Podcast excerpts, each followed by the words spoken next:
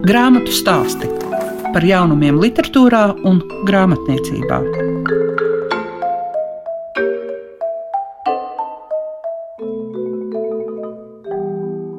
Prieks uzrunāt grāmatu stāstu klausītājus. Kopā ar jums, kā parasti, esmu Eslīga Piešiņa.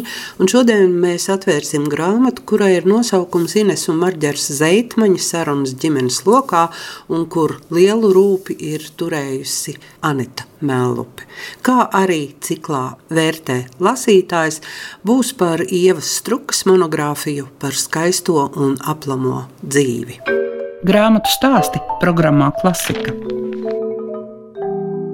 Mēs tūlīt nokļūsim līgatnē. Daudzi no jums zina zeita centru un to, cik viesmīlīgi ir arī to saimnieki Ines un Marģers Zeitmaņi. Viņi radījuši kopīgiem spēkiem ar līgatniešiem un nu jau nelaiķi Andreju Cīruli grāmatu par līgatni, tagad sarunas ģimenes lokā. Un gribu iesākt ar dažiem teikumiem, ko par grāmatu rakstījusi Inga Skuiņa. Laikmetīgi ir teikt pētījums, jo tas skan atbilstoši starptautiski dotētu programmu vadlīnijām, kaut patiesībā, kas tur ko pētīt. Tā ir dzimtas un plašākā nozīmē nācijas apzināšana un apzināšanās. Klausieties ierakstu, kas tapis aizvadītās nedēļas nogalē. Tur, kur līgatnes pusē ir zeita viesnīca, mēs atrodamies tieši telpā, kur ir ļoti, ļoti daudz grāmatu. Un šīs grāmatas lielākoties ir saistītas ar latviešu trimdes literatūru. Kāpēc tā izvēle tāda veidojās? To es jautāju Marķeram Zeitmanim. Tā izvēle, kā vienmēr daudz kas notika dzīvē nejauši. Un man labs draugs Haris Beķers, kas ir līgatnes patriots un, un ļoti kultūra mīlošs cilvēks un vienmēr kā operators ir piedalījies ļoti daudzos procesos. Viņš saka, ka, tu zini, man pēkšņi zvanīja no ārzemēm un teica, ka viņiem nav kur likt savu biblioteku, jo aizgājusī paudze ir aizgājusi, un jaunai paudzei tās grāmatas vairs vai nu neinteresē, vai nav kur likt, vai nemāk lasīt, un, un ko ar viņām darīt. Un tad vārds pa vārdam izrādās, ka trimdā latvieši ar saviem spēkiem, ar palīgspēkiem ir izdevuši ārkārtīgi, ārkārtīgi daudz grāmatas pa pēdējiem 50, 60 gadiem. Nu, jau ir, vēl vairāk. Nu, vēl vairāk, jā. Tad jautājums, kas ar tām grāmatām notiksies tālāk. Un tā mums radās ideja, ka varbūt var kaut kādā veidā tās grāmatas mēģināt transportēt no turienes un mēģināt viņus kaut kādā veidā šeit saņemt, uzņemt, šķirot un lēnu garu varbūt veidot nelielu biblioteku. Vai tas nozīmē, ka ir arī tādas unikālas grāmatas, kuras gandrīz nekur citur Latvijā nav? Pilnīgi noteikti. Jau tie, kas ir uzmetuši tikai aci virsū pavirši tam, kas ir atnācis, teikuši, ka dažas grāmatas pilnīgi noteikti nav liekamas publiskā apskatē, un turamas būtu aiz stikla. Nu, apskatē, bet aiz stikla, jo tām ir liela literāra, bibliogrāfiska, jā, pieaugs kājas. Jā. Tāpēc, protams, kad ir grāmatas, būs jāšķiro, un, un mēs arī ar Anitu domājam piesaistīt profesionālu bibliotekāru, tiešām profesionālu, un atlasīt to, kas ir pašam dāmas palasāms, paskatāms vai pat paņemams uz mājām un atgriežams atpakaļ, kas ir paskatāms tikai caur stiklu. Bet, Marģer, kā jūsu ģimenei, kur jums tā tad aug trīs bērni, un jūs ar sievu saimniekojat šeit, un jums ir milzīga saimniecība, Kā jums un cik atliek laika grāmatām? Jāsaka, kā ir. Sievai noteikti vairāk, tāpēc ka viņa ir visu mūžu lasījusi man mazāk. Es vairāk lasu vai nu žurnālus, vai grāmatu, kur nu, tiešām ir jāizlasa lēnu garu. Un tad es lasu ļoti lēnām un ļoti ilgi. Bet iznāk, un man prieks, ka tas nav pamests galīgi novārtā. Ines, nu, papildiniet to un pasakiet par savām attiecībām ar grāmatām. Man lasīšana ir tāda būtiska, laikam, tāda ikdienas sastāvdaļa, vai tāda varētu pat nosaukt ikdienas rituāls. Diemžēl jāsaka, ka es laikam esmu no tiem, kas pēdējā laikā rēti esmu uzķērusi tiešām tādas labas grāmatas, no jauna izdotas. Un tad nākas pārlasīt jau ar citām acīm, citu redzējumu, kaut kad jaunības laikā lasītas un piemirstus kaut kādus faktus. Un, jā, tad laikam vairāk tāda klasiskā literatūra vai tādi vispār zināmi autori. Un arī man novērojumi ir tādi, ka, ja Marders lasa, viņš lasa ļoti lēnu tad viņš kaut ko izlasa vērtīgu. Man nezinu, kāpēc šķiet, ka līdzīgi lasa Anita. Es vairāk grāmatas laikam tā kā apēdu, varbūt diemžēl mazāk kaut kā iedziļināties, vai tajā mirklī redzot to, vai izlasot to, pareizāk sakot, ko es gribu izlasīt, tad uh, Marģers bieži vien izķer kaut kādus citātus, gabaliņus. Anita man sūta izziņās. Ir skaidrs, ka tiek sēdēts pie zentas mauriņas, kādas grāmatas vai vēl kaut kur. Bet viennozīmīgi es esmu laikam tas cilvēks. Es esmu mēģinājis arī darba jautājumos lasīt uh, digitāli. Es nevaru palasīt digitāli, man vajag to smaržu. tās lapas ielocītos stūrīšus, vecmodīgi salīdzinoši tā pieeja. Nāčuma arī man te tuvāk. Marija ir visjaunākā ģimenes pārstāve un brāļi jau mums tā kā pamuku. Skaidrs, ka viņiem ar lasīšanu negribas īsti stāstīt. Kādas ir tavas attiecības ar grāmatām? Skolā vairāk es gan jau lasu, lēni es lasu, bet man ir tā, ka es atceros, bet citiem bērniem, piemēram, jālasa trīs reizes, kamēr man ir vienreizi. Es atceros ļoti labi. Tad, jā. vai tu vari nosaukt kādu konkrētu grāmatu, kas tev tagad ir patikusi, un ko tu saki mammu, vai tu arī esi izlasījis? Ziemassvētku cūkas gan jau. Aha. Un mamma arī izlasīja pēc tam? Jā, tā jums bija par ko parunāt. Marija ir tā, ka tagad, kad iznāca grāmata Ines un Marģera Zeitmaņa sarunas ģimenes lokā, tu esi arī startējusi kā intervētāja. Kā tas ir, kad ir citi jāiztaujā? Ļoti forši, tu zini daudz ko par citiem cilvēkiem. Man šķiet, ka tu vari daudz ko uzzināt, par ko tu nezini. Bet vai intervēt, sarunāties tādā veidā ir viegli? Nē, gan jau, jo tev vajag visu izplānot, kādus jautājumus tu uzdosi. Bet tas bija tev interesanti? Jā, ļoti interesanti. Mums sociālā zinībās ir bijis jāintervē, un latviešu valodā ļoti interesanti bija. Bet vai tas, piemēram, kas tev notiek ikdienā līdzās, un arī saistībā ar grāmatām vai vēl, vai tas vispār ir jāatceras? Varbūt, ka tikai jādzīvo uz priekšu? Man šķiet, ka ir jāatceras, jo Matemātikā tev jāatceras, ir rēķināšana, reizināšana, dalīšana. Latviešu valodā tev jāatceras, kā tev ir jālasa precīzi, jāraksta. Um, tev ir jāatceras tas viss. Vai tu ticēji vispār, ka tāda grāmata iznāks? Jo, ja mēs skatāmies uz tiem gadsimtiem, kas ir ierakstīti grāmatā, tad tas jau ir 21. un 22. gads. Tad tā iecerē nav tā, kā aizvakar izdomāts, ai, uztaisīsim dzimtas koku. Es domāju, ka kaut kāda grāmata iznāks. Es nezināju, kad, bet es zinu, kad iznāks viena vismaz grāmata. Nu, te jāpiesaistās arī pārējiem ģimenes locekļiem. Kā tas viss ir ar to ieceri? Tas tā kā ir ar dzimtas koku. Jā, tas ir ar dzimtas koku saistīts un uh, ar uh, notikumiem mūsu ģimenēs. Piemēram, man par grāmatu runājot, man ļoti daudz pārsteidza lietas, kad es uzzināju to, ko es nezināju pirms tam, un arī pārsteidza. Kā jau es minēju, cilvēku dažādie skatījumi uz vieniem un tiem pašiem notikumiem. Vai eh, arī pieņemsim, ja mēs runājam tieši par mūsu ģimeni, piemēram, kā brāļi vai mūsu bērni uztver savstarpējās attiecības, kā viņi vērtē, ko viņi viens par otru izsakās.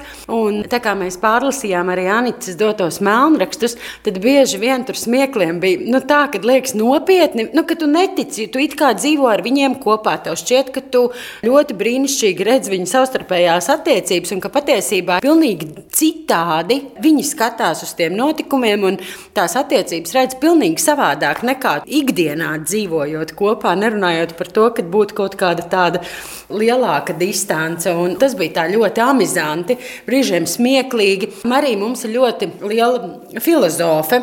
Un eh, tad, kad Anita teica, ka viņa intervējas Mariju, es patiesībā to mazliet tādām šausmām uztveru. Es domāju, ko viņa tur bērns var tā sarunāt. Jo tev jau noteikti, kā ļoti daudziem citiem vecākiem, liekas, ka tas bērns tur ir un ir. Viņš mums dēļ mūsu nodarbošanos ir sanācis tā, ka bērniem neviens īpaši neprasa, vai viņi grib vai nē, bet viņi tiek ieraugti tajā nosacīti ģimenes biznesā vai tajos ģimenes notikumos. Un tu pat nekad neuzdod tādu jautājumu, kā tu sevi redzi jo viņš šeit ir. Līdzīgi kā mēs piedzimstam kaut kādā ģimenē, kaut kādos notikumos.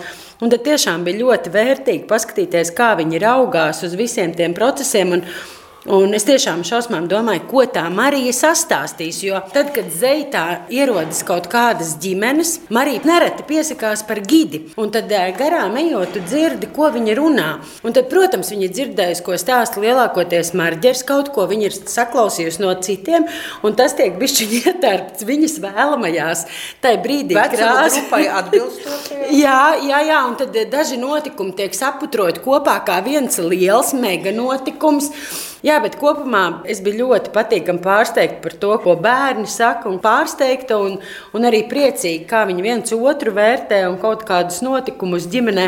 Tas bija tiešām arī, man liekas, ne tikai man, bet arī Marģeram, kā vecākiem, liels tāds pārsteigums. Es uzrunāšu Rudolfu savādāk, viņš man atkal aizmuks projām. Rudolf, vai tu iedomājies, ka sarunas par dzimtas koku varētu pārvērsties šādā grāmatā? Nu, jā, kāpēc? Ne? Ja mēs tā dzirdam tās sarunas pirms un pēc, tad varētu būt, ka tā taču ir vienkārši tikai brošūriņa. Nu, un māsas uzzīmēts dzimtas koks, kāda vaina. Nē, es nezinu, man šķiet, nu, mūsu ģimenē tradīcija ar albumiem un viskaut kādām citām vēstures pierakstīšanas lietām.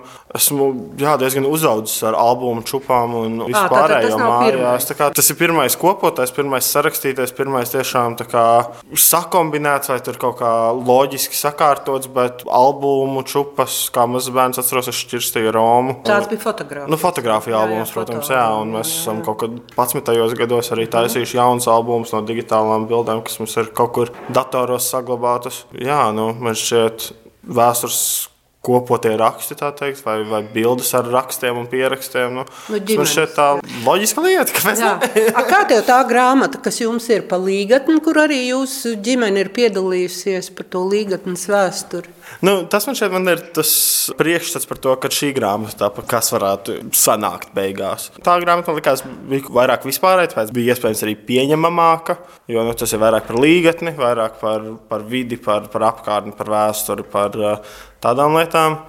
Un, jā, Līga ir diezgan interesanta. Es zinu, Līgas vēsture jau dzīvojot šeit, ka tā ir diezgan ciemats pilsēta ar, ar lielu vēsturi un, uh, un interesantu vēsturi. Bet, uh, tas solis vismaz man nelikās tik dīvains, vai tik atgādājis, vai tik kreiss solis, kad bija izdomāts, nu, taisīsim tādu pašu grāmatu tikai par mūsu ģimeni. kā tu domā, piemēram, vai tu ar lepnumu citiem rādīsi, ka ir šāda jūsu ģimenes sarunu grāmata, vai tu labāk rādīsi līgatnes grāmatu? Es nezinu, atkarībā no nu, kā mēs rādām. Jo nu, ģimenes lietas man arī šķiet diezgan nu, tāds, arī, ka dažas ģimenes lietas jāpatur ģimenē. Tāpēc nu, varbūt nevajadzētu katram, kuram rādīt šo grāmatu, vai katram, kuram tur iet un plātīties ar šo grāmatu. Bet uh, es nezinu, no situācijas. Ko saka otrs brālis, Arnolds? Par šo grāmatu? Jā. Nu, es domāju, viņa būs forša, viņa būs kolosāla, jo tur ir mans vārds iekšā. Tur arī es devu savu interviju. Būs interesanti paskatīties, paskatīties, ko citi raksta par mani vai ne par mani, bet vispār par zeitmaņiem un par zeitu varbūt arī skolā varēšu pastāstīt. Paklau, tu taču varēsi izmantot darbu uzreiz priekš zinātniskā darba par dzimtas koku. À, nu jā, kāpēc ne? Bet kādas jums abiem ir attiecības ar grāmatām? Jūs daudz lasāt? Uz jūsu. Uz, jūsu. Tiešām uz jūsu, jā. Uh -huh. Nu, labi, nu, 2022. gadā ir kāda grāmata izlasīta? Atceros par uh, Vairu Vīķu Freibergu, par prezidentu viņas biogrāfiju. Es ieiešu, tagad ieiešu blakus Anitai. Visu laiku tika pieminēta, tik pa brīdim Anita jāatklāj, ka tā ir Anita Melupa, par ko ir, ir stāsts. Un eh, es piedaru pie tiem, kas zina jūsu iepazīšanās stāstu ar zeitmaņiem un sabojātu mašīnu un palīdzību un vēl tur visu. Bet gan Marģers, gan Anita, tu jūs esat vētras orkāni, kas ir satikušies un kas tagad ir izveidojuši šo dzimtas grāmatu. Vai tu arī sākumā domāji, ka būs tik krāšņs un liels izdevums. Vispār neko nedomāju sākumā, bet interesanti ir tas, ka pirmkārt, lai gan zēni saka, ka viņiem liekas, ka mēs esam tā sanākuši, Tātad par Rudolfu, kurš mācījās Rīgas valsts pirmajā gimnājā, es biju izdevusi grāmatu, mums jau bija par ko runāt par viņu skolotājiem, kaut viņš jau mācījās jau ārzemēs. Tad trešā gimnājā mācījies Marģers, par ko to es arī esmu uzrakstījis mhm. grāmatu. Uh -huh. Kaut kāds pilnīgi tāds loģisks turpinājums, bet tas humors patiešām par to sabājoto mašīnu, kas stāvēja līgatnē pilnīgi bezcerīgi, kur ir kluss ceļš, blakus tā kā tāda blondīna, un, un izstieptu rociņu, un tikai marģers apturēja, un visu man palīdzēja, ko varēja un ko man vajadzēja tajā brīdī. Es pēc tam Pēc kāda laika uzrakstīju tādu kā humoru pateicību, lai varētu aizsūtīt viņa bērniem. Bet laiks gāja, ne es viņu pārlasīju vairāk to pasaciņu, ne es viņu aizsūtīju. Un atkal, kad Marģers man uzrunāja, jūs redzat, kā dzīvē notiek. Es sāku mazu, mazu domu un iznāca izdot par dzimtu grāmatu. Ļoti vienkārši viss notika. Marģer, kāpēc vajag uh, rakstītā veidā? Jā, tas ir tā mana pārliecība, ka mēs dzīvojam tagad laikmatā, kas pretēji tā tad uh, pirms simts gadiem. Kā stāsti nodevās pirms simts un simt piecdesmit gadiem. Cilvēki stāstīja, stāstīja, stāstīja, runāja, runāja. Vakaros nebija ko darīt, runāja, runāja, stāstīja, stāstīja simts reizes, divsimt reizes, un tie stāsti nodevās no dzimtas dzimtē. Tagad mēs dzīvojam digitālā laikmetā, kas ir brīnišķīgs laikmets. Mēs fotografējam, fotografējam, filmējam, ierakstām, ierakstām, bet mums katram ir kādreiz pazudis telefons, nodedzis risks C datorā, pazudis dators. Un, un, un pirms tam mums licies, ir, ka viss tas ir kaut kur piefiksēts, kaut kur tas viss ir kārtībā. Bet tas tā dažkārt nav. Un man šķiet, ka mēs dzīvojam laikā, ka tas ir brīnišķīgs laiks, ka mēs varam pavisam vienkārši šobrīd izdot savu fotoalbumu, pasūtot viņu attālināti un saņemot fotoalbumu reizes gadā, varbūt izdrukātā veidā, varbūt divos eksemplāros. Mēs dzīvojam laikā, ka mēs varam mājās paši sev daudz ko izprintēt. Mēs dzīvojam laikmetā, ka mēs varam arī pat izdot mazu grāmatu, kas nav vairāk tik ārkārtīgi dārga, kā tas varbūt liktos pirms gadiem, desmit. Un, un to es saucu par laiku, kad ir vērts kaut ko apkopot, nedaudz piestrādāt, un lai tas nepazūd digitālos putekļos. Un ka tu vari kaut ko izdarīt varbūt tas nedaudz arhaiski un, un, un varbūt vecmodīgi, bet tomēr tam ir sava vērtība. Un, tad, kad tu esi spiests kaut ko izdot, tad tu nedaudz padomā, izšķiro, pieraksti. Pārraksti, apvaicājies. Tas, kā šodien grāmatas atvēršanas svētkos Anita Burvīgi teica, tas ir brīnišķīgs gada pārskats vai bilants. Neviens jau nav aizliedzis arī izdot bilanci reizes trijos gados vai reizes desmit gados. To izdod. Es šodien tā sapratu, ka šodien vēža zvaigznājā, pilmenis vēža zvaigznājā, un es esmu vējs, un es saprotu, ka ir tāds mazais parāds izdarīts, lai gan nu, viņš nav pilnībā izdarīts. Tas vajadzēja pirms gadiem pieciem, kad bija vairāk radinieki dzīve, vai pirms gadiem desmit, bet tu esi to kopā ar, ar sievu, kopā ar Anitu, kopā ar daudziem atbalstītājiem, kas palīdzēja to gada pārskatu nodevis atdevis tālāk, un tad nu, tālāk jaunā paudze lūdzu papildiniet, kaut ko dariet, kaut ko pierakstiet, kāds pierakstīs, kāds nepierakstīs. Un, un tas man liekas, ir tāds šim laikmetam, gribētu teikt, nepieciešams solis. Grāmatu stāsti tiem, kam grāmatu lasīšana ir vērtība. Tikko dzirdējāt sarunu ar Zeitmaņu ģimeni un Anitu Mellopi par grāmatu Inese un Marģers Zeitmaņi sarunas ģimenes lokā. Un man liekas, ka tas ir tikai kā apliecinājums, cik svarīgi ir dzimtas diškoka apzināšana un apzināšanās. Un šīs grāmatas vērtība, protams, ir tā, ka dokumentāli nostiprina un pierāda šādu Latvijas diškoku esamības faktu. Bet raidījuma turpinājumā ciklā vērtē lasītājs par Ievas Strukas monogrāfiju par skaisto un aplamo dzīvi, un to raksturo Aija. Es izlasīju par aplamo skaisto dzīvi, par Anšlu Veglīti. Es neteikšu, ka tā grāmata, ka es viņu izvēlējos, viņa atnāca pie manis. Un pēdējā laikā ir grāmatas, kas atnāk pie manis, un viņas visas ir kopā ar šo laiku, ko mēs pašlaik pārdzīvojam kopā ar Ukrainas karu, ar bēgļiem, ar bēgļu gaitām un ar uh, dažādām dzīvēm, kā ietekmē karš.